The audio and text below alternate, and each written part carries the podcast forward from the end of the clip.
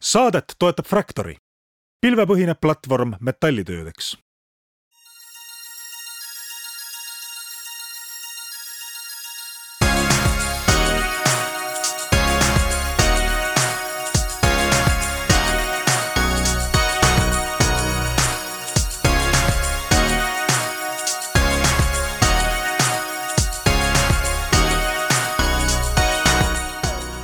aasta lõpp on käes ja Restardi saade teeb kokkuvõtteid, nagu äh, teevad kokkuvõtteid kõik Eesti meediakanalid ja üldse üle maailma ja kõigil on täiesti kõrini sellest aasta tagasi vaatamisest, aga me teeme ikka. ja peamine põhjus on see, et äh, meil on valmis saanud küsitlus. nimelt igal aastal Restart küsib Eesti investorite käest, äh, millised on paljulubavad startup'id, millised ei ole, kes on kõige kõvem startup'i juht ja üldse kraadime, mis maastikul toimub nii et äh, täna me teeme Restardi saates siis kokkuvõtte sellest ja võrdleme eelmiste aastatega ja katsume vaadata tulevikku. ning äh, seda loomulikult teevad äh, Taavi Kotka, Hendrik Roonemaa ja meil on täna abis uus külaline, kes ei ole varem saates käinud ja keda ma tutvustan kohe varsti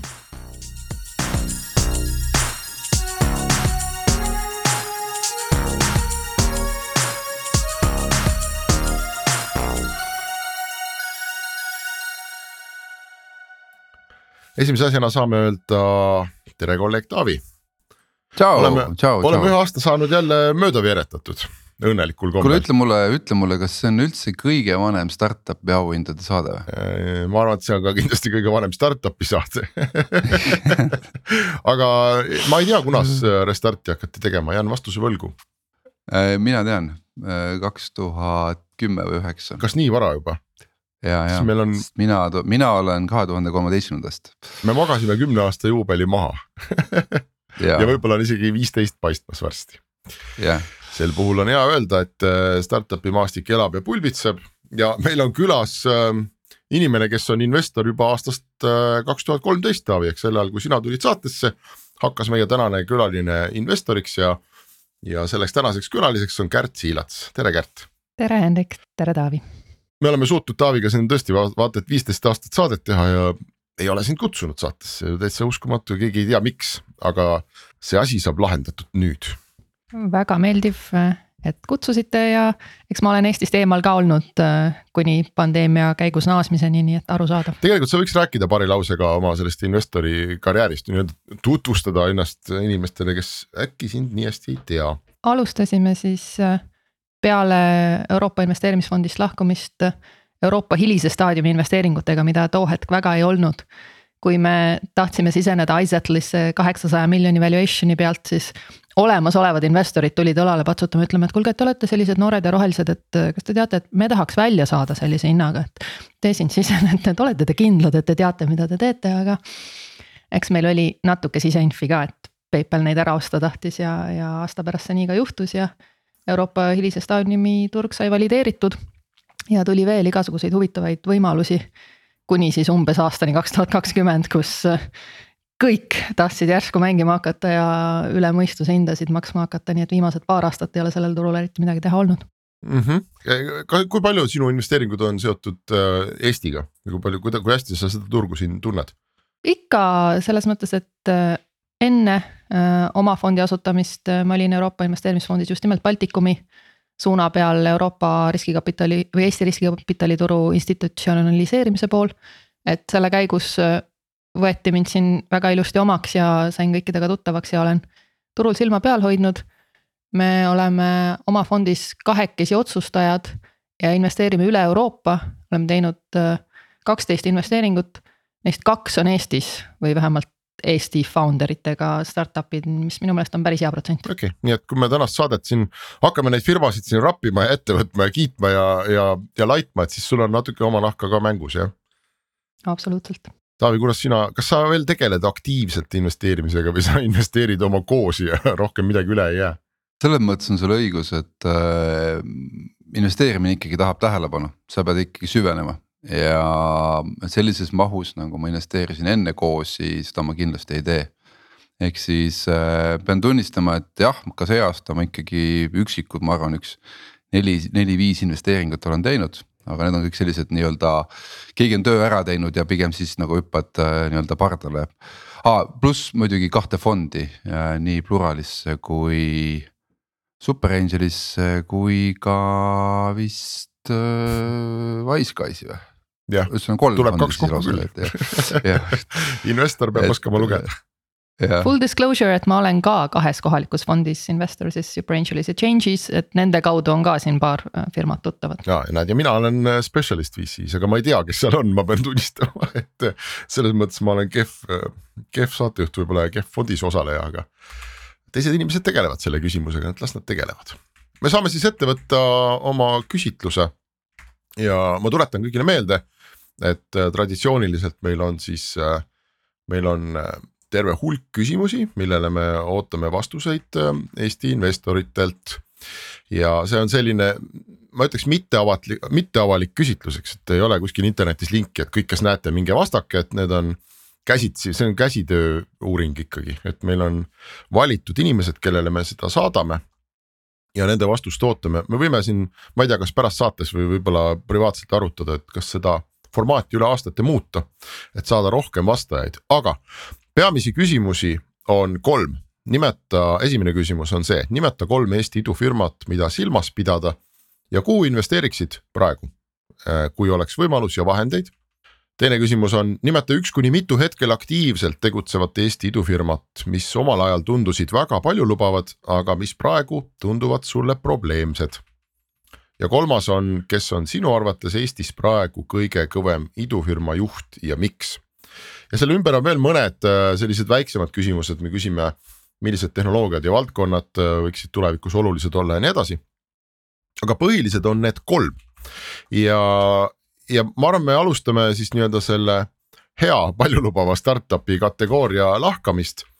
Mm, ja ma tuletan lihtsalt meelde, et kaks tuhat kakskümmend võitis selle küsitluse Bolt ehk siis idufirma, kuhu, kuhu investorid oleks tahtnud raha panna äh, hetkel, kui oleks äh, võimalus ja vahendeid. Bolt oli number üks, teine oli Pactum ja kolmas oli Veriff.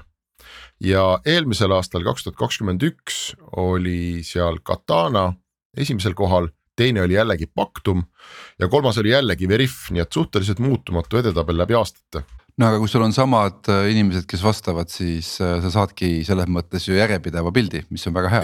selles mõttes küll jah. aga samas potentsiaal võiks ju nagu äh, ajajoone peal muutuda, et mõned võiksid nagu liiga suureks kasvada selleks, et enam ei tahaks ette rutates ma saan Kärt öelda, et see ongi juhtunud juba on juhtunud. juba on juhtunud jah. jah, nii, aga kust me alustame, ega ometi esimesest kohast? ei, ma arvan, ma vaatan seda tabelit siin ja võib-olla kuskil me võiks sealt tagantpoolt hakata tulema, et kas seal on midagi huvitavat, viisteist näiteks on Jaga. mina, mina täitsa kiidan Jagat ja, ja ütlen, et Jaga on minul täitsa selles listis, kus on väga võimekas founder, laiad turud vallutatud, täitsa nõus, et oleks tahtnud investeerida. ja mis siis, mis takistuseks sai takistuseks konkreetselt me, me vaatasime teda Change Venture'is ka ja see on väga see, see development tiim on, on seotud äh,, nii et me, meil kahjuks oli konflikt äh,. muidu absoluutselt äh, oleks investeerinud. see Aafrika pool on huvitav, eks ole, et me siin mm -hmm. ju noh, Aafrikast saame veel rääkida, kui me seda tabelit vaatame, aga äh,. see oli tegelikult Eesti, Eesti on nagu Aafrikasse hiljaks jäänud mõnes mõttes, mul on tunne, et kui ma vaatan meie naabreid rootslasi.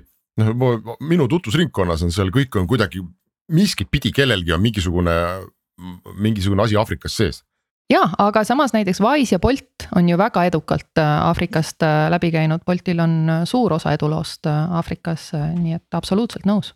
meil tuleb üks Aafrika ettevõte veel. vähemalt üks jah, neliteist koht on NFT Port, kolmteist on FitLab ja kaheteistkümnendal kohal leiame sellise väikse startup'i nagu Bolt ja Boltiga ongi täpselt see, et mitte inimesed arvaks, et ta on halb, aga see, mis Kärt enne ütles, et liiga kallis ja liiga suur, et investorid täna enam ei näe pointi sinna raha panna, aga meil käis siin hiljuti äh, Markus Villig saates, kes ütles, mis need numbrid olid, Taavi? no ta ikkagi lubas veel vähemalt. kümme kuni sada korda. Jah, nagu, et kümme peaks kindlasti ära tegema, et ja ma ütlen ausalt, et, et kui saaks investeerida, siis ma arvan, et ma suurendaks oma Bolti osalust jah. sest kui sa börsile paned praegu raha näiteks, okei okay,, ta on likviidsem, eks, aga noh, nimeta börsiettevõte, kelle puhul sa näed isegi, ma ei tea, kaks X-i või kolm X-i kasvu on ju, kusjuures see, et Markus oma tänase meeskonnaga teeb vähemalt kümme X-i ära, noh kahtlemata.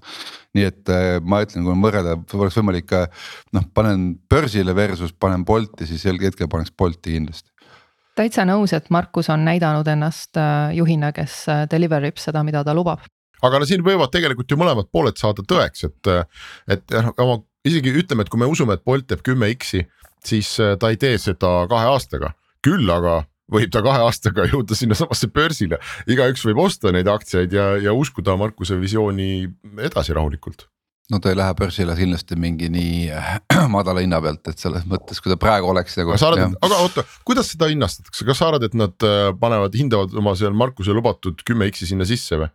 Ei, kindlasti mitte kümmet X-i, aga, aga mõned X-id kindlasti selles mõttes, et äh, selleks on terve ju tööstusharu välja arendatud, kes aitavad sul välja mõelda, mis õige hind on nagu. ja, aga see sõltub ajastusest jubedalt selles mõttes, et kaks tuhat kakskümmend, kaks tuhat kakskümmend üks oleks usutud neid kümmet X-i ja, ja mida iganes, aga praegu börs vaatab ikkagi kasumlikkust Markusel ei ole probleemi sellega, aga noh, kuulage ka ära see meie vahva saade temaga, et siis usk läheb veel suuremaks ehm, kusjuures vaata, kui huvitav on see, et Markus käib korra saates, siis kõik räägivad, et oh kuula seda saadet, usu, usu ja siis ta ise saates ütleb, et no meil see avalikkuse pool on ikka nagu noh, me väga ei ole nagu tähelepanu pööranud sellele.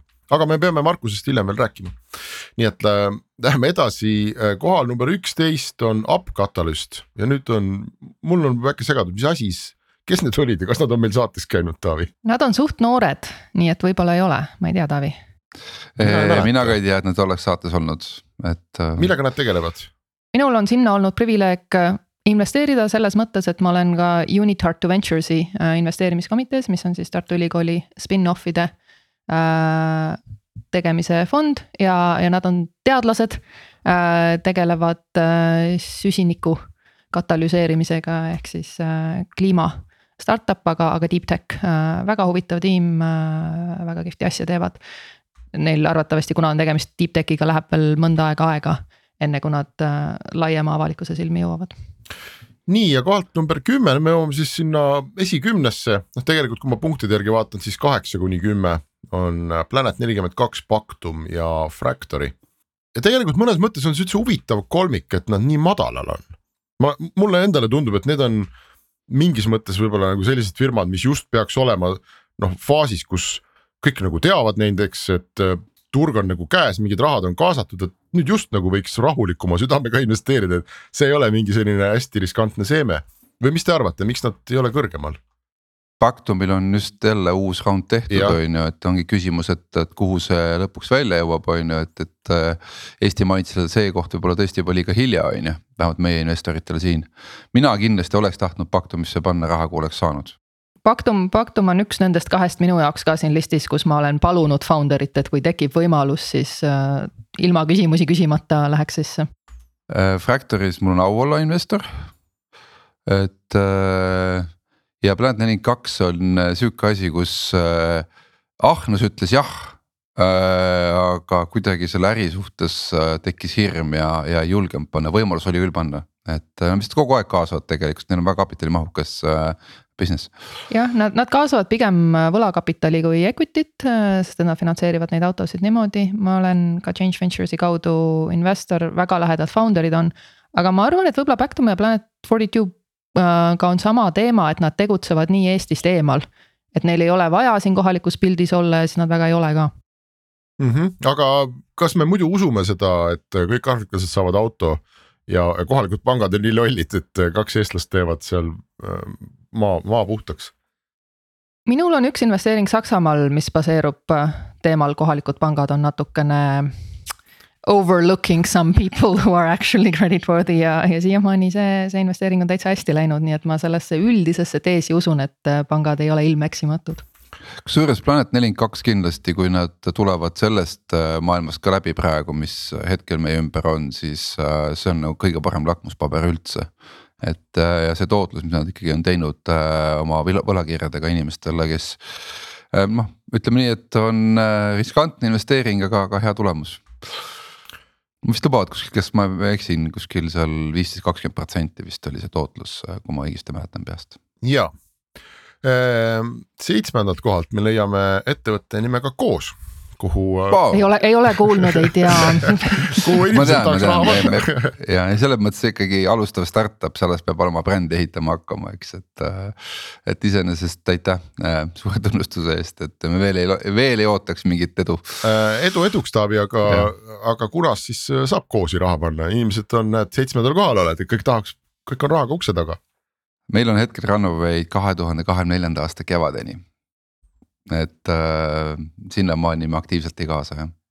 tuleb, ähm, kui ma õieti aru saan, siis minna kliendiks ja selle vastu saab token eid ja selles mõttes äh, nii on kõige lihtsam muide ja saab väga häid token eid, saab neid token eid, mis on äh, ikkagi juba null koma üks, null koma null üks protsenti ettevõttest, nii et. Äh, et äh, kõige lihtsam on jah selle, selle kaudu investeerida. aga kas me võime siin Taavi juba nagu küsida, et palju sul, no mis me tavaliselt ise küsime firmade käest, et noh, käive on või, kliente on või? ja, ja selles mõttes on uh, uhke tunne, et me oleme ühe aasta tegutsenud ja meil on maksvad kliendid, nii et uh,. meil on üle kahekümne tuhande wallet'i, meil on üle saja viiekümne tuhande transaktsiooni, nii et selles mõttes nagu kasv käib ja ei, Super Angeli fondi investorina ma olen väga õnnelik, et see seal sees on ehm, kuuendal ja viiendal kohal on ettevõtted nimega Klaus ja Grünfin. võib-olla algaks Klausist enne. Ehm, on kuidagi nagu natukene minu jaoks radari alt lennanud, kogu aeg on, aastaid on see Klaus ja Klaus ja Klaus. Ehm, aga nad nagu on ja siis nagu ei ole ka või mis seisus nad on? Äh, mina olen saanud nendega rääkida äh, väga lähedalt ja ma õudselt kaifin selliseid ettevõtteid, kus mingi, mingi valdkonna äh, professionaalid teevad oma asja ehk siis need on inimesed, kes on just selles valdkonnas, millega nad tegelevad, on väga kogenud, nad on selle kogemuse saanud oma varasematest startup idest. ja nüüd nad võtavad selle ühe asja ja teevad selle ideaalseks ja Klausi tiimi koha pealt müts maha, muidugi ka selle pealt nagu, nagu nad meeskonnana. see, sa ei jõua, no sul kõht vapub kogu aeg, kui sa nendega lähed koos välja sööma näiteks või, või, või, või väikest jooki tegema, et äh, mega kihvt huumor on vendadel nagu, et äh,. et selles mõttes mina olen jällegi, oleks tahtnud olla investor, kahjuks ei saanud täiesti, täiesti nõus ja see huumor ja kõik tuleb ka brändis välja ja, ja lisab minu meelest firmale väärtust. Nad kuidagi jah, väga paljult ei räägi oma fundraising ust või nad selles mõttes ei ole nii väga pildil kui teised, aga hästi tore startup on. ja viiendal kohal siis Grünfin see on ka minu jaoks selline huvitav küsimus, see Grünfin, et, et Wise'ist on välja kasvanud kaks võib-olla Eestis laiemalt tuntud ja mõlemad investeerimisega seotud idufirmad, eks ju, üks on Grünfin, teine on Lightyear. ja Grünfin isegi natuke nagu alustas enne või kuidagi jõudis avalikkuse ette vähemasti enne. Ehm, ja kuidagi nende lend on olnud nagu avalikkuse silmis jällegi madalam kui Lightyearil, eks. Ehm, Lightyearil on nii äge nimi ja kõik, kõik käib nii kiiresti. Ehm, ja see nende ajastus noh, pakkuda tavainimesele hästi lihtsat investeerimistoodet, et noh, nendest sõltumatult suhteliselt kehva võib-olla on selle sõnumiga praegu välja minna, et ma ei, ma ei tea, mis teie arvate, kas te usute seda optimismi, et inimesed täna kütavad lihtsalt harjumusest raha sisse? no investeerima peab. see, see on tõsi ja, ja lihtne see tavainimese jaoks ei ole olnud. Äh, samas investori perspektiivist äh, selline asset based asi on keeruline skaleerida, et siin on, siin on see ka huvitav dihhotoomia minu jaoks, et, et founder'id on mõlemal väga-väga head. ja, ja kusjuures selle juurde, et mõlemal on head founder'id, äh, kaasa arvatud Grünfinil. me võib-olla jõuame siis, kui me seda juhtide listi vaatama hakkame ja, ja räägime sellest, äh, mis äh, sealt välja tuleb, aga. ja, ja nad on ühesuurused praeguseks ka, et, et see, et ühe kohta on palju rohkem haipi ja, ja palju rohkem raha tõstnud, see on ka selline huvitav nähtus äh, ja, ja võib-olla mitte kõige õiglasem. aga, aga jah, väga-väga tugevad founder'id, aga keeruline turg. mina ütlen selle kohta sihukest sellist asja, et äh, äh, mul on elus vedanud, ma olen saanud startup idesse investeerida ja startup investeeringu puhul on üks hea asi äh,. sa ei saa seda raha kätte istub seal sees ja põhimõtteliselt sul nagu midagi ei jää üle, nagu istud ja ootad ja, ja siis kas sured või elad, on ju, ja.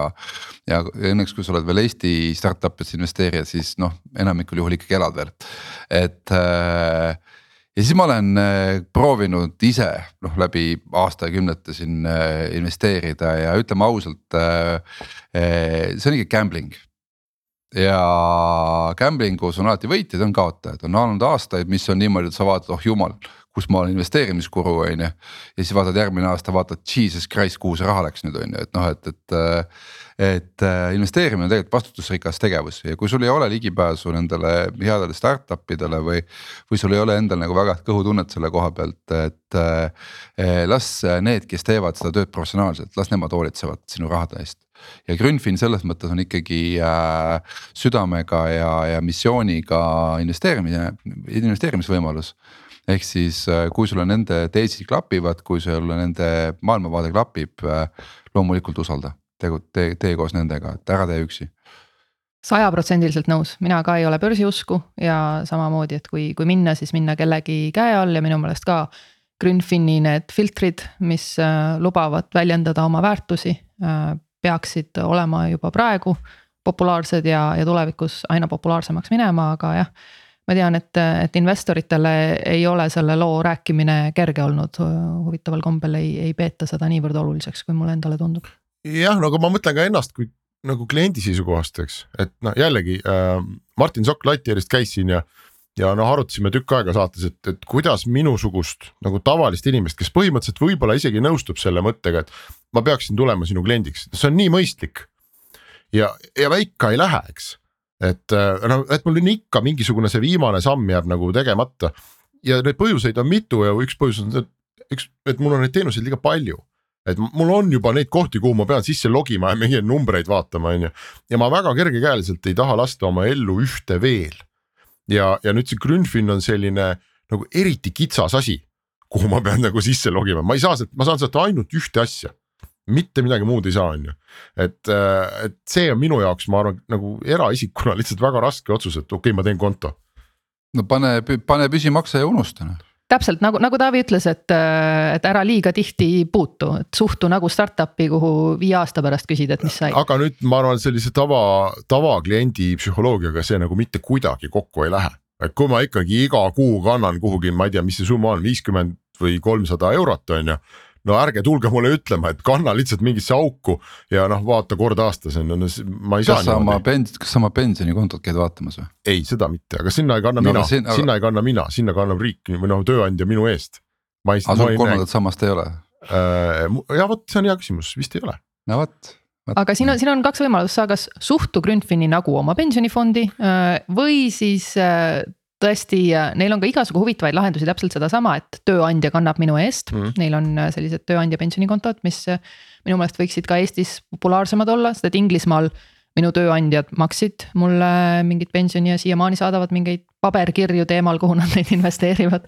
aga samuti on neil hästi toredad lahendused äh, lastele, et neil on ka see multi-user functionality, mida paljudel teistel ei ole, et lapse kontole saavad kanda ka tema vanavanemad, ka mingisugused äh, sõbrad, kolleegid, äh, mis on selline AML KYC äh, probleem teiste jaoks ja nemad on selle ära lahendanud. okei okay., neljandal kohal on Veriff ja kolmandal kohal on Katana ja täpselt samasuguse skooriga mulle tundub see selline duo, mille kohta vist ei ole nagu eriti palju midagi öelda, et noh, et nad ongi seal, kus nad peavad olema ja teevad seda, mida nad peavad tegema jah, Veriff on mul portfellis äh,, väga õnnelik selle üle ja Katana on siin nüüd minu jaoks selles FOMO tipus. kus ma tõesti, tõesti tegin kõik endast oleneva, et saada investeerida ja, ja olen väga tänulik äh, Kristjanile, et ta rääkis mulle sellest firmast hästi põhjalikult. Äh, ja, ja andis oma aega lõpuks ikkagi need äh, suured investorid olid mõjukamad ja, ja võtsid selle raundi ära, aga, aga minu jaoks see on selline selle aasta damn it hetk. jah äh,, Veriff on muidugi olnud äh, suhteliselt vaikne äh,, kuigi äh, näpud või pöidlad peos äh,. ikkagi hetkel meil vist ka samamoodi üks kiiremini kasvavaid unicorn'e üldse, eks, et äh,. ja Katana puhul mulle õudselt meeldib professionaalsus et see, mismoodi nad äh, näevad oma turgu, oma klienti klienti. kuidas nad kasutavad erinevaid võimalusi selleks, et rohkem müüa. see on asi, mida noh, ma tean, et startup'il ei ole kunagi aega, aga kui Kristjan viitsiks teha ühe loengu. siis seda loengut ma läheks esimesest reast kuulama, et, et hea on, kui on äh, saavutatud mingi selline teadmine, mille puhul sul on numbrid taga, sul on selgelt nagu see arusaam, kuidas sa juhid seda protsessi. kuidas sa saavutad tulemuse a la panen euro juurde või dollari juurde, nad on USA-s peamiselt on ju, panen dollari juurde nagu näed, see tuleb välja, eks on ju, et. et see on sihuke nii-öelda õpiku näide ühest ideaalsest startup'ist täiesti nõus, meil on portfellis kaheksa unicorn'i ja Kristjan räägib oma firmast täpselt samamoodi, nagu need unicorn founder'id räägivad nii et selles mõttes, et see on äh, ai võiks juba ette välja sõeluda, et kellest saab unicorn, et kui sa räägid niimoodi oma firmast, siis on unicorn tulemas, et kui kasutad neid sõnu ja neid lauseid. Ähm, võib-olla kogu selle tabeli minu jaoks äh, kõige suurem üllatus oli teine koht. Ja see teine koht on Ready Player Me. Ähm, mitte, need vahed ei ole seal väga suured, aga siiski teisele kohale ta jõudis ja, ja väga suur hulk äh, inimesi, kes meie küsitlusele vastaks, vastasid, tahaks panna raha Ready Player Me'sse. ja arvestades, mis toimub, milline noh, selline nagu imagoloogiline kokkukukkumine on toimunud kogu selle NFT ja metaversumi ümber, siis see on minu jaoks üllatus. ma ei tea, mis Miks? teie arvate? minu vabandust, aga ma ei imesta, nad esimesel kohal ei ole, et äh, sest eh, noh, Ready Player Me noh, krüptoga siin ei ole mitte mingit pistmist, on ju, me räägime ikkagi äh, avataridest. see, et inimesed hakkavad üha rohkem viima, viibima virtuaalmaailmades ja, ja, ja neil on vaja sinna identiteeti. ja sul ei ole noh viitsimist, tahtmist aega nagu kogu aeg igal pool jälle uut, uuesti alustada, on ju. et äh, see on kuidagi nagu jällegi õpiku näide, mis juhtuma hakkab, ehk siis sellest see, et me, kui sa vaatad omaenda mobiiltelefoni kasutamist on ju, kuidas see kasvanud on ju, sinu vajadust olla selles virtuaalseadmes on ju või virtuaalmaailmas on ju. see on sügav trend, mida ükski siin väike mingi raputus küll ei mõjuta, et äh, et nad on väga õigel ajal õiges kohas ja noh, kõik see asi plahvatab küll jah, mõne aasta pärast, aga aga super, et meil on Eesti ettevõte nagu selle positsiooni saavutanud. Kärt, kas sa jagad Taavi optimismi? jah, ma arvan, et siin paljude jaoks võib-olla oli see üllatusmoment ja natukene selline underdog uh, comes first uh, moment, et nad nagu on ära teeninud selle edu küll, et nad on pikalt proovinud ja pivot inud ja, ja nüüd leidnud siis oma turuniši, et, et siin võib-olla oli sellist sentimenti kaasas.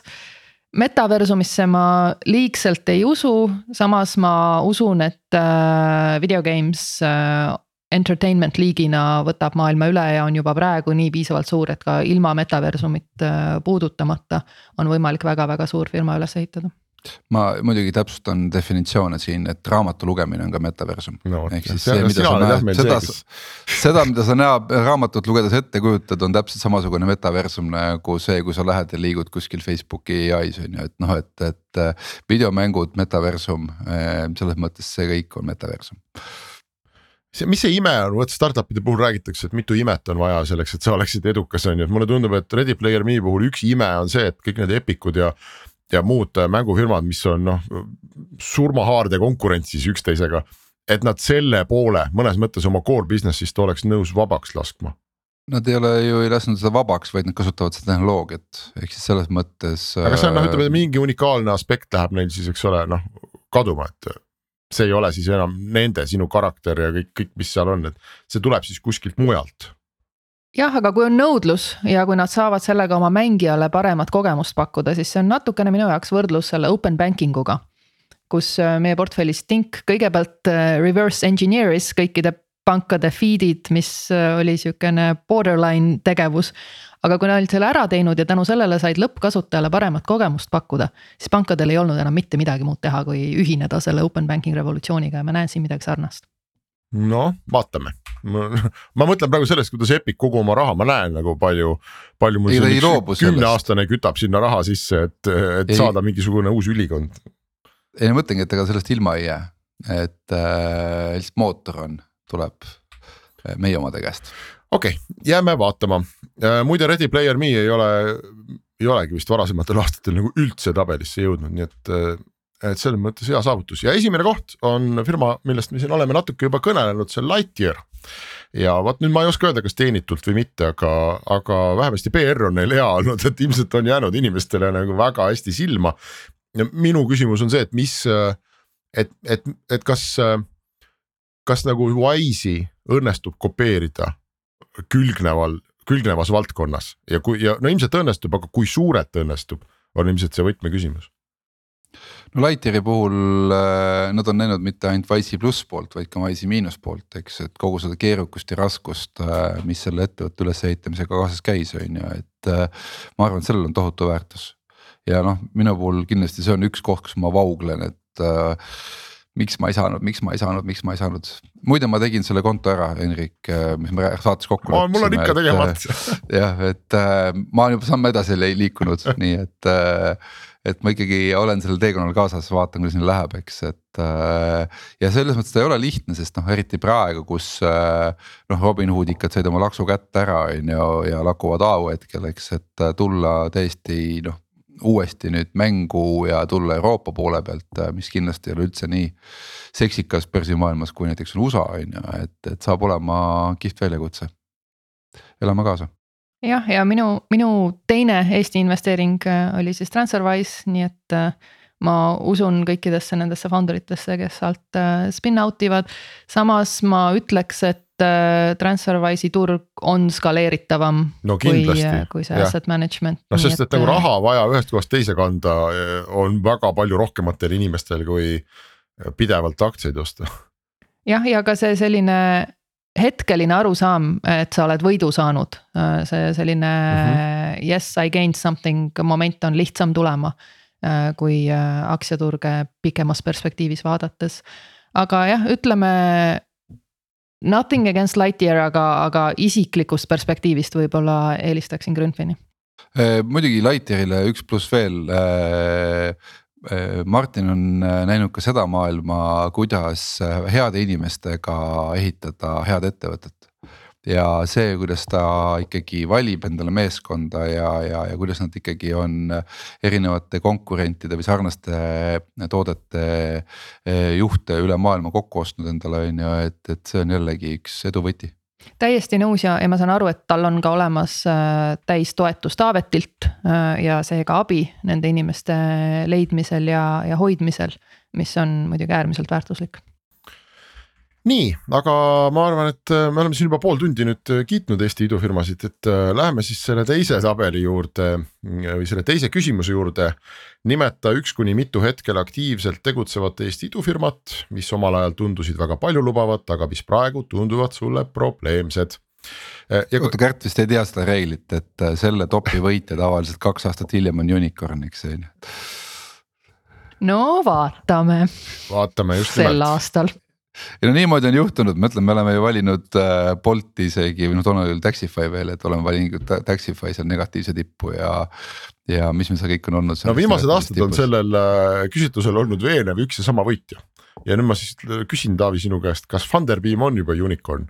Äh, Funderbeam mitte aga ma mäletan aastat, kus meil oli Jobatical selle võitja ja Jobaticali puhul mina ütlen küll täna, et sorry, et äh, meie ikkagi äh, mudel töötab. meie kaheksa jalga ei eksinud.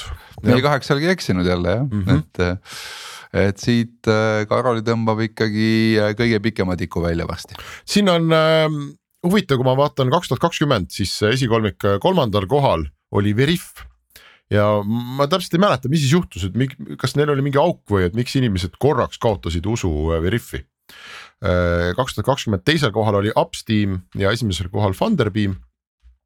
eelmisel aastal kolmandal kohal Upsteam, teisel kohal Monese, sest nad olid vist just teinud oma seda pivot'it äkki ja, ja., ja esimesel kohal Funderbeam ja, ja kui me nüüd vaatame, siis äh, kolmkümmend kolm firmat nimetati kokku, muide neid nii-öelda häid nimetati viiskümmend viis. aga, aga kolmkümmend kolm nimetati siis neid, kuhu ei tasuks raha panna ja see long tail on, on nagu ta on, aga võib-olla me siit äh, ütleme, kohad ähm, kaheksa kuni neliteist on siin, äh, on siin Wise, Intuition, Saunum, Promoti, Pipedrive, Parcelsi, Aurora.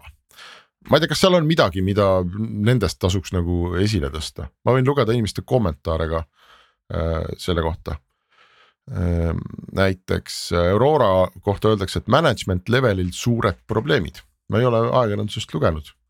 jah, keegi ei taha midagi öelda jah see on jah see koht, vaikige nõusoleku märgiks see on see koht, kus inimestel, kes on olukordi seestpoolt näinud, lähevad suud lukku, kuigi ma lubasin, kui te mind saatesse kutsusite, et ma räägin avalikult ja. no ega alati kõike ei pea aga noh, ma, ma, ma ütleks selle kohta, et, et Pipedrive ja Wise on võib-olla natukene unfair, et, et see, kuidas turud toimivad, see ei ole nende süü ja see, kui keegi nagu secondary börsil aktsiaid ostes vastu näppe saab, see on seesama, millest me enne börsiga seoses rääkisime. ja, ja ma arvan, et Pipedrive ja Wise on ka seal noh, peamiselt selle põhjendusega, et äh, nad on juba nagu liiga suured, et noh, ei ole mõtet nagu panna või et noh, Pipedrive'i ma ei tea, kas kuidas sinna üldse mina, mina ostaks Wise'i juurde jah, et äh, väga usun sellesse töösse, mis nad teevad.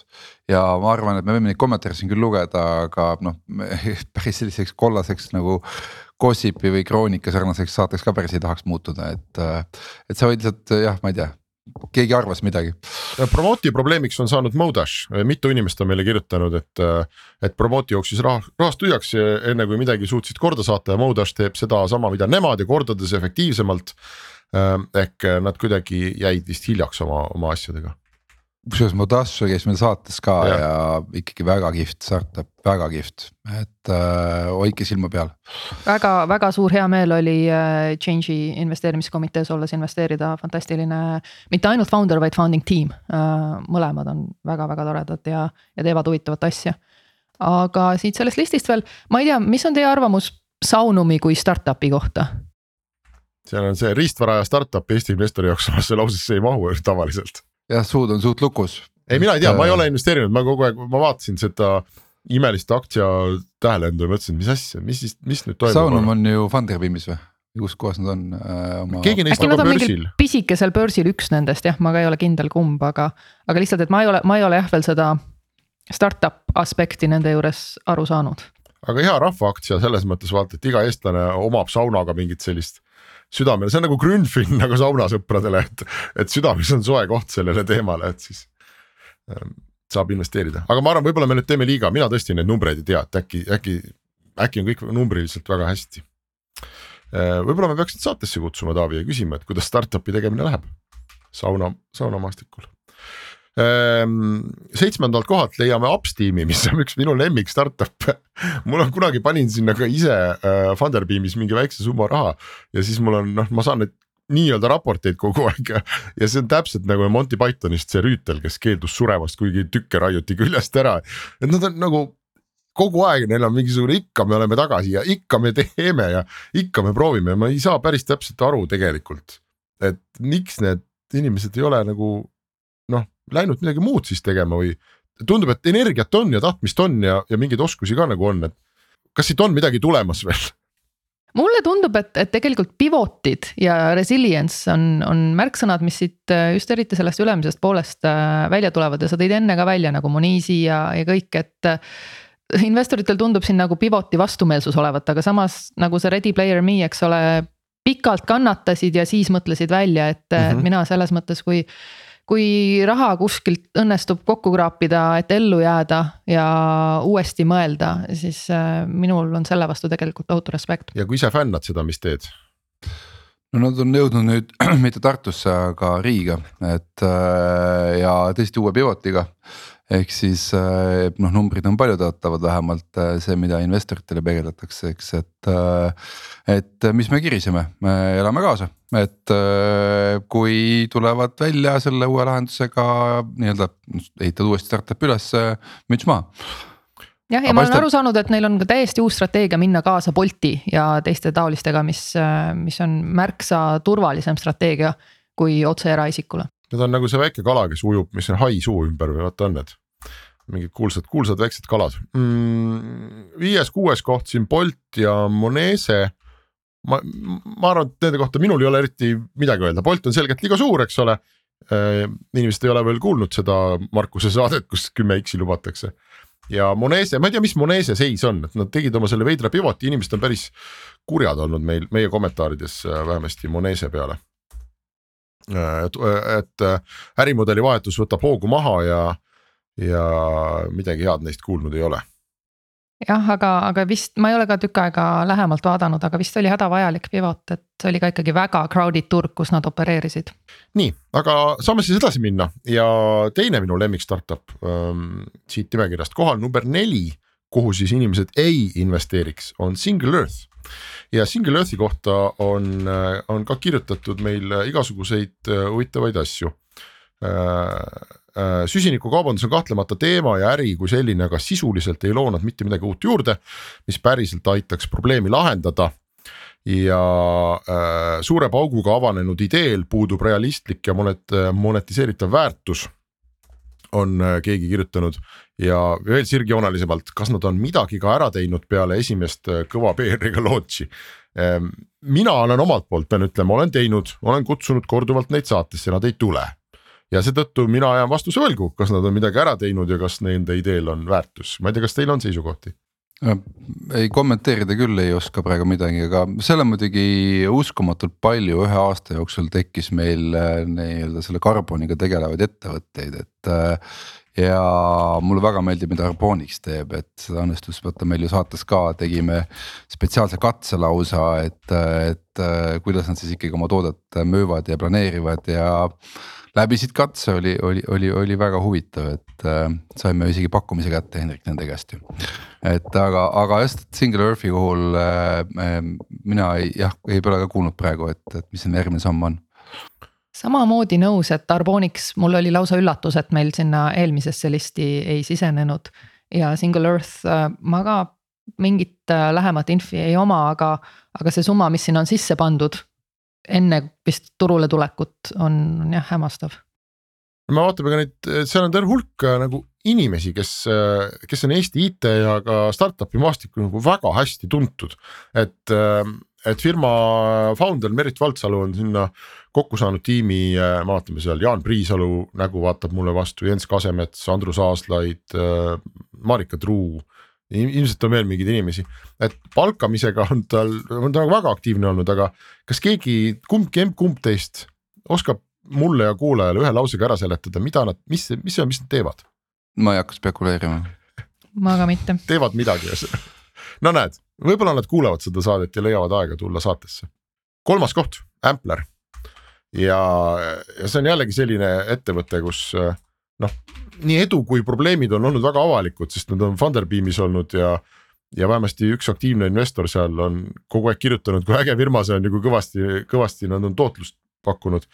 aga tarneraskused, neile vist ikkagi Covid pani paugu ära ja, ja see on see riistvara probleem, riistvara startup'i probleem tekkis. No meil on Eestis üldse vist selle valdkonnaga veits kehvasti, et, äh, et me oleme ikkagi SaaS-i ettevõtted kõik siin mis SaaS-i startup'id, üksikud on need, kes pakuvad ka midagi B2C-le, aga üldiselt kipume olema nagu jah tarkvara ja SaaS-i rahvas. eks igal pool on riistvara keeruline ja siis nad on veel äh, direct to consumer ka ja keeruline. ja nad olid sellel turul nagu väga õigel ajal kohal, eks. Nad olid tegelikult ju enne, kui kui kogu maailm üldse hakkas mõtlema, et oh, et selline asi nagu tavaline jalgratas, aga väikse akuga, et see võib jumala kihvt asi olla. ja noh, nüüd, kui ma vaatan äh, uudiseid, siis iga päev tuleb mingisugune firma välja täpselt samasuguse tootega nagu Ampler, et seal ainuke võimalus vist eristuda ongi nagu brändinguga või noh, sa, nad tahavad nagu olla selle valdkonna Apple, mulle tundub mõnes mõttes. et, äh, et aga otsemüüja, no sul on õudne raha peab ikkagi brändingusse sisse minema, et sa seda kuidagi äh, nagu kasvatada, skaleerida saaks, tundub õudselt keeruline et konkur-, hästi konkurentsitihe valdkond nüüd. aga ma ei tea, mis hetk see oli, kus nad noh, et nad olid õigel ajal kohal ja mingil hetkel nagu magasid midagi maha ja ma isegi ei tea, mis see on, et see vist kõik käis nii kiiresti. et äh, väiksel Eesti startup'il lihtsalt ei jätkunud sel hetkel nagu jõudu investeerida turundusse ja brändi ja osta mingisuguseid esigaasi kuskil brändi reklaamiks aga nüüd spekuleerin mina. mul on äh, kaasinvestor aeg-ajalt äh, Jaan Puusoogiga investeerime koos. Ja kui tema näeb riistvara investeeringut, siis ta alati ütleb kuulsa, kuulsa lause, et kuna ta ise on tööstur, eks ja toodab äh, füüsilisi asju siis ta ütleb alati, et vaat see on üks valdkond, mida ma tunnen. Ja vot sinna ma raha ei pane see on ka miinuseks kindlasti jah, kui sa tunned, sa näed kõiki neid asju, mida ei ole võimalik teha ja sa ei usu Jah.. teisel kohal Van der Beam. mis on huvitav, sest äh, mitu aastat on nad selle võitnud, aga täna on nad siis teisel kohal. ja ma ei tea, ei ole nagu me ütlesime, et ei ole saanud äh, äh, unicorn'iks, aga, aga noh, ka ikkagi iga aasta me saame kurja kommentaare, palju valesid otsuseid ja tegemata tööd klientide edust mittehoolimine, juhtkonna vähene arusaam tegutsemisvaldkonnast äh,. täiesti arusaamatu, mis seal toimub, uus pivot private round ideks ei ole okei okay.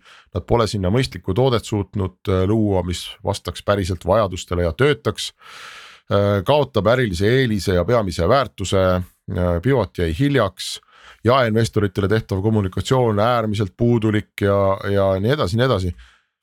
ei ole häid sõnu Funderbeamile no ma ühe asjaga kindlasti tahan nõus olla, see, et juhtkond ei tunne teemat, et äh, kui üldse keegi seda teemat Eestis tunneb, siis äh, on see ikkagi Kaidi on ju, et arvestades kogu tema ajalugu on ju. et äh, aga mul on tunne, et kui me räägime selles, et äh, startup'i tegemisel peab õnne olema siis see õnnelaks on olnud Funderbeamil puudu ja see, et nad ei saanud enda näiteks UK-s jalga maha, on ju, et äh, õigel hetkel. et see on üks nii-öelda see õnne või ebaõnne nagu märk, mis, mis nagu nende arengut takistas. see, et nad olid äh, väga paljude väikeinvestoritega seotud ja nii edasi, et äh, et see kindlasti on nende jaoks koormav ja olnud ja, ja probleemne, et, äh, et see õnnelaks, õnne ei olnud ma olen täitsa nõus Taaviga mõlemas osas, valdkonna tundmine ka, et see, et siin väikeinvestorid ja jaeinvestorid äh, avaldavad selliseid arvamusi, see on natukene selline, et, et kui sa endale kuuma McDonaldsi kohvi äh, sülle valad ja siis sunnid McDonaldsit äh, panema sildid äh, nendele kohvikappidele, et caution coffee is hot. Yeah, it is ja, ja võib-olla peaks nagu ise elementaarset ettevaatlikkust rakendama, et kõike ei saa päris sinu eest ära teha. et siin on tõesti inimesed, kes investeerivad riskantsel turul ja siis, kui ükski risk materialiseerub ähm, siis on platvorm süüdi. siis on platvorm süüdi, aga, aga samas ma arvan, et, et pivot äh, oli, oli õige otsus ja, ja loodame, et äh, edaspidi läheb äh, paremini. jah, võib-olla siis on teine Jabatikal või, aga see on aeglasema kurviga, et et elab, elab veel valusamalt läbi seda kukkumist, aga tuleb tagasi mingisuguse ärimudeli ja mingi tootega, mis päriselt toimib ja, ja kuidagi päriselt, päriselt vajalik on klientidele. esimene koht, ettevõte, mis, äh, mida me oleme ka saatesse kutsunud, aga ei ole kuidagi hästi õnnestunud ka see tulek, on Change ja äh, Change'i, Change ja Funderbeam tegelikult jagavad skoori, aga ma panin ta esimesele kohale, sest need on uued ja nii kiiresti sinna lennanud ja noh, krüptovaldkond on talvitumas. kirjutavad äh, inimesed ja FOMO treidingule on kogu asi üles ehitatud, hoiab mitte, asutaja hoiab mitteametlikku Eesti rekordit punaste lippude lehvitamises. kaks tuhat kakskümmend kaks saabus siis lõpuks Mihklipäev ehk et krüptoturg mulle tundus, tõmbas change'i alla ja nende enda tegevus ei ole aidanud, aga jube kõrgelt lendas.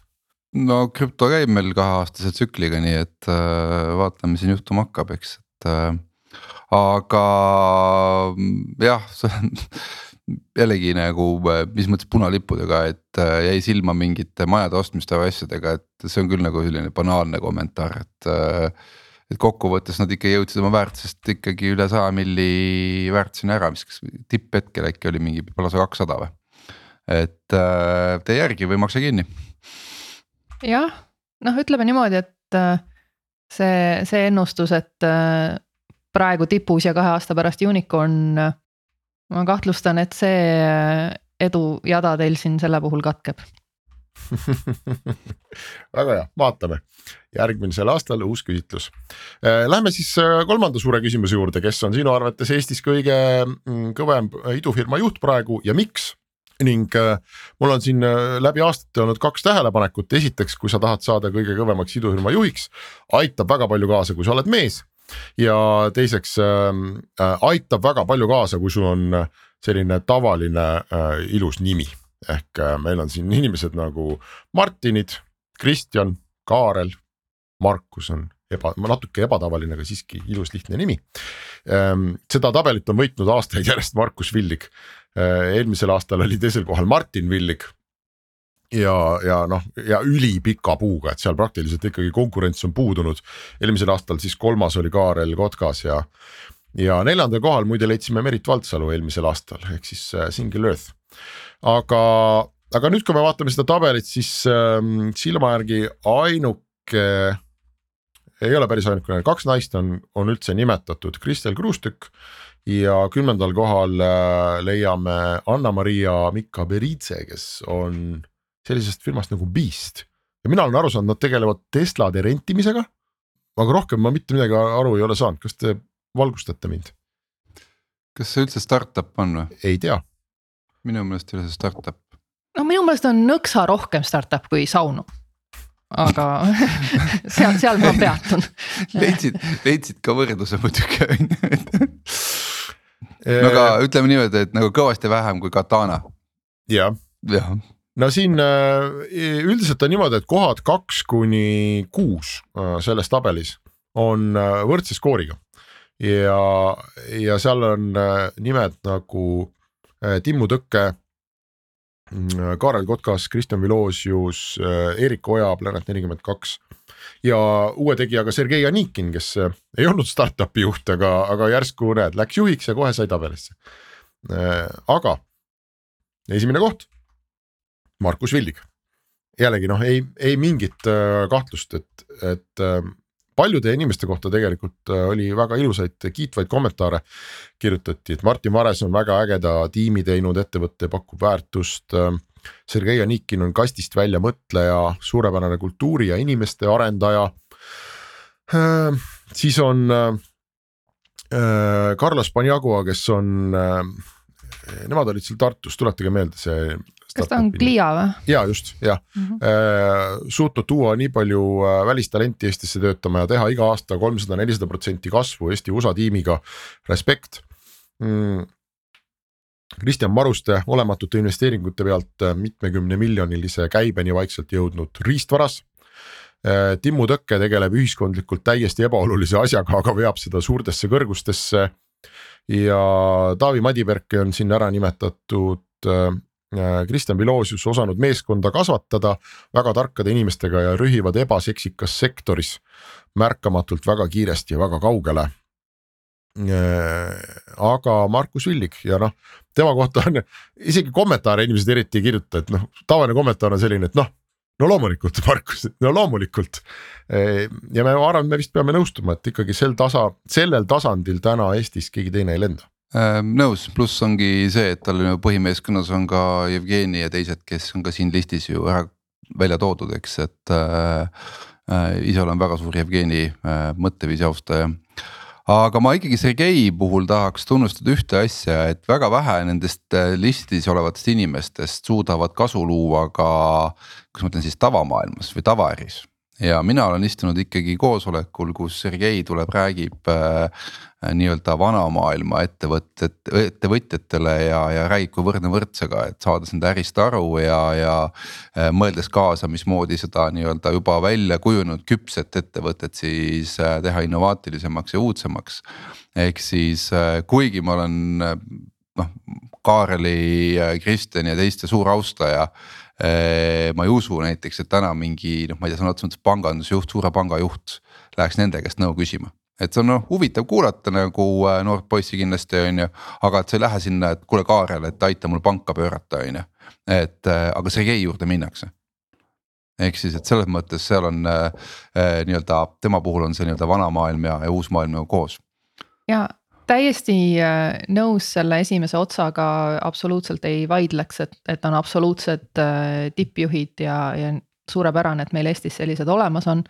aga tõesti läheks torkima seda fakti, et meil selle top viieteist äh, firmade hulgas on kaks naiste poolt asutatud firmat mille juhid siin ei figureeri, et, äh, et kas meil tõesti naisfounder itega firmad juhivad ennast ise, et äh, kus on Triin Hertmann, kes on firmade topis. Polnud kordagi viies. nimetatud muide, kordagi. kus on, Aune Aunapuu, kes on suurepärane founder ja ka kus on Hedi Mardisoo, kes tõstis väga korraliku raundi see aasta, kus on Katrin Liivat, kes tõstis väga korraliku raundi kõvasti parema kui siin kus on Karoli. no see on juba märkimisväärne list juba ja, ja.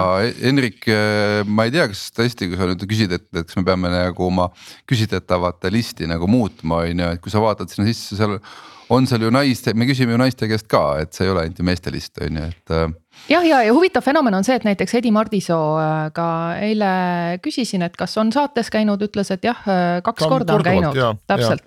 et siin ei saa, meediakapsaaeda ei saa siin äh, kivi visata, et teie, teie kuulajatele, kelle käest ma oletan, et te küsite neid küsimusi äh,. suures osas on, on eksponeeritud äh,. alati saab paremini, alati äh, vaadates selle järgi, et, et see sõnum ei jõua kohale äh,, ma, ma soovitaksin äh, veelgi enam äh, keskenduda naisfounderite kutsumisele, sest täiesti selgelt peab neid siis rohkem eksponeerima proportsionaalselt selleks, et äh, asi kohale jõuaks, aga. aga see on kurb jah, et, et isegi kui on räägitud ja, ja isegi kui see Cachet round sai täitsa korralikku meediakajastust, kui ta toimus, et siis äh, arvatakse, et see toimub ilma juhtimiseta, nii nagu Oscari kandidaadid filmid, kui nad on naiste poolt režissööritud, filmivad ennast ise ja, ja meesrežissöörid äh, saavad nomination'id. mina istun äh, kunagi ühes paneelis koos ühe, ühe suure ettevõtte personalijuhiga, naine muuseas.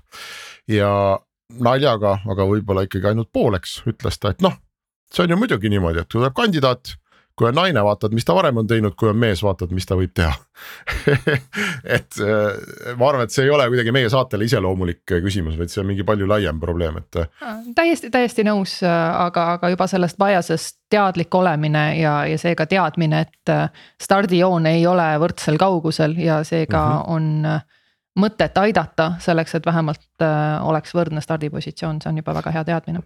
Muide Hendrik äh, müts maha, äh, esimest aastat on aasta lõpu saate kommentaariks äh, lisaks saatejuhtidele naisterahvas, et see on ka esimest, ka meie areneme ilmselgelt nagu. aga muidugi ühte asja tahaks nagu öelda, et, et ikkagi tahes-tahtmata noh, see on probleem sellega peab tegelema, aga mis mind ikkagi üllatanud on, et, et seda downplay imist või ütleme nii-öelda äh, mitte esiletõstmist on ikkagi naiste enda poolt, on ju, ja, ja noh, mõtle, mina olin šokis sel hetkel, kui toonane haridusminister teatas mulle, et miks me peame üldse investeerima tüdrukute tehnoloogiaharidusse, et meil on õdesid ka vaja, on ju. et ja see oli naisterahvas, on ju, et, et noh, siis ma, ma polegi nagu midagi lisada, on ju, et kui vene keelt ei oskaks, siis ei oskaks üldse midagi öelda nagu, et. Taavi, ma olen nii nõus, et, et see töö, mida sina näiteks Unicorn Squad'iga teed ja, ja mul oli kohutavalt hea näha eelmisel aastal Latitude'i raames Estbani diversity paneelis kuhu mind ka kutsuti ja, ja ma ütlesin ära, et, et äh, ma ütlesin, et ma ei tahaks, et seal oleks naiste ülekaal, et ma tahaks näha mehi rääkimas. ja sa tulid, rääkisid ja, ja minu meelest see oli äh, suurepärane paneel äh, kuulda. Mida teevad äh, mehed diversity heaks, seal oli ka üks äh, Tera Ventures'i või ei Trindi, sorry. Trindi partner äh,, kes rääkis väga huvitavalt sellest, kuidas tema oma deal flow suurendas kümnelt protsendilt viiekümnele protsendile nice-founder itega väga lihtsate meetmetega. aga ju, nagu kõrgemal tasemel juhtimise poole pealt mul oli väga hea meel näha Code Jõhvi avamisel rääkimas nii Kaja Kallast kui Kersti Kaljulaidu ja ikkagi väga positiivselt äh, naiste tehnoloogiahariduse ja startup induse vallas, nii et loodetavasti on tulemad, tulemas muutused ja just nimelt selle poole pealt, et women lifting up women väga hea, nii et järgmise aasta eesmärk on äh, saada top kolme äh, vähemalt üks, aga miks mitte kaks kuni kolm naist. muide, aga noh, sellesama minu ka pool nalja nagu lõpuks, et kui meil siin äh, Funderbeam ja Jobatical teevad unicorn'i väärilise exit'i, noh siis laske ennustada, mis järgmisel aastal topis toimub, on ju, et siis on kohe Karoli näed, et pidas vastu kõik need aastad, me ei uskunud, väga vinge töö no mina ikka usun ära, et Karol on see esimene naisfounder, kes teeb meil IPO on ju. ja, ja loodetavasti täpselt tema, tema kiiluvees ka teised, aga lihtsalt jah, ma tõesti ütlen, et siin tabeli alumises otsas on, on meesterahvaid, kes äh, ei ole võrdväärselt tõstnud raha ega ehitanud startup'i kui mõned meie naisfounder itest nii ja meil oli seal veel selliseid külgnevaid küsimusi. Äh, äh, hea meel on öelda, et kõik meie küsitlusele vastanud kaks tuhat kakskümmend kaks investeerisid juurde, nii et seal seisakut ei ole toimunud ja inimesed on rahul. ja kui me küsisime valdkondade kohta, mida, mida silmas pidada, siis noh, loomulikult tänu Ukrainale on väga tugevalt sisse tulnud militaar ma ei mäleta, et seda oleks eelmistel aastatel äh, niimoodi nimetatud, aga no meil on siin Taavi sel aastal ka käinud ju terve plejaad neid äh, military või, või kaitsevaldkonna startup'e ja neil kõigil on nagu raske ja nad on kõik kihvtid. aga no igast saatest mulle jääb meelde see, kui raske neil on äh, jõuda, toote isegi saab valmis, aga sellega kuhugi jõuda on ikka ülikeeruline. müük on keeruline, ma ja. pean küll tunnistama, et mina ühe investeeringu tegin see aasta militaari Äh, Milremisse? ei oh., Milremisse ei saa investeerida nii lihtsalt, et äh.... aga ütled nime välja ka või? ei ütle okei okay,, arusaadav, aga mina, mina oleks omalt poolt öelnud, et äh, rahastusega on siiani väga keeruline olnud, et äh, paljudel Euroopa Investeerimisfondi poolt rahastatud fondidel on keelatud olnud igasugusesse sõjaga seotud asja investeerida. nüüd on vist seda seisukohta natuke revideeritud ja hakatud ütlema, et kaitsefunktsioon on okei okay ja ma arvan, et ka see NATO kiirendi, äh, mis on tulemas, äh, võib-olla muudab seda maastikku päris korralikult jah, no kaitsev tank on okei okay,, ründav tank ei ole okei okay., et seal on väga raske ka võib-olla tõmmata neid jooni nagu. Äh, noh, meil on ka kaitsevägi, eks ole mm.. no ütleme nii, et droonilt vaatlemine on okei okay., droonilt pommi viskamine ei ole okei okay ja, ja muidugi on ära nimetatud, endiselt ikkagi on väga tugev usk investoritel kogu sellesse Web3 ja, ja krüpto ja NFT-sse, et mulle tundub, et nad ootavad sealt nagu midagi.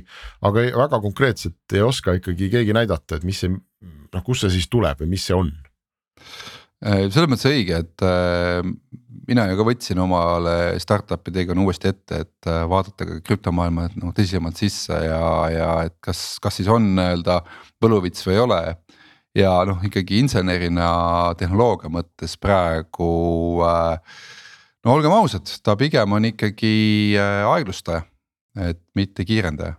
Ehk siis äh, saad teha ikkagi nende vanade vahenditega asju kiiremini, kui, kui sa oled noh versus see, et sa oleksid näiteks puhas krüptofirma. jah, ja no muidugi eriti nüüd aasta lõpus, äh, mis avalikkusele silma on jäänud, nimet-, nimetasid ka meie investorid igasuguseid ai asju see ai on ka noh hästi pikalt hõljunud, eks ole. ja mingil hetkel tal oli ka see metaversumi probleem, et noh, raamat on ka metaversum, eks ole, et noh, siis äh, Exceli sortimine on ka ai põhimõtteliselt, et no läks väga kaduma, et mis asi see ai siis on ja mis ta siis ei ole aga noh, nüüd inimesed siin vestlevad chat GPT-ga ja postitavad, on ju Twitterisse screenshot'e.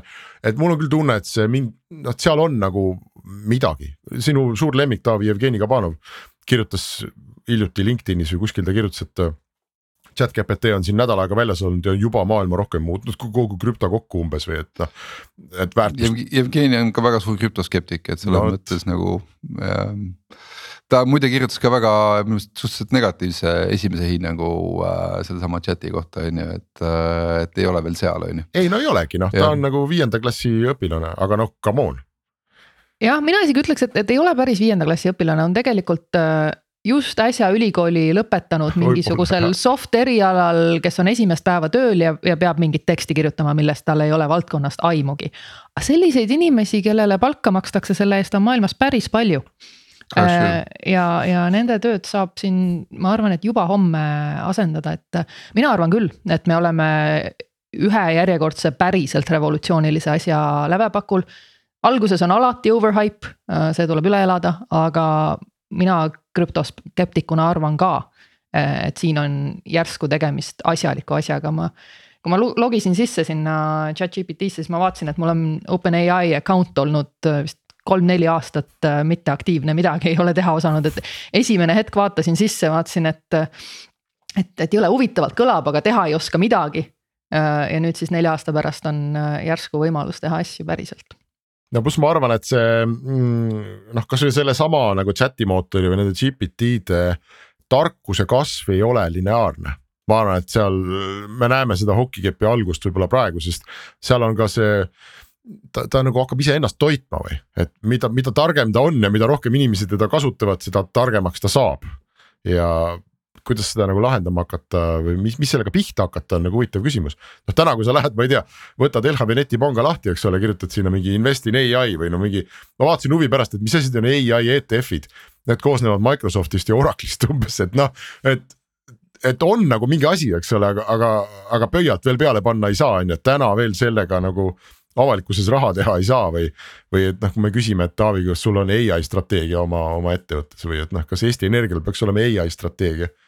Siis sellele küsimusele ka vastust ei ole ja polegi nagu kuhugi minna küsima jah, aga maailmas samas eksisteerivad, et äh, ma pikalt juba hoian Londonis ühel education tech äh, startup'il silma peal ja education tech teatavasti ei ole väga seksikas üldiselt.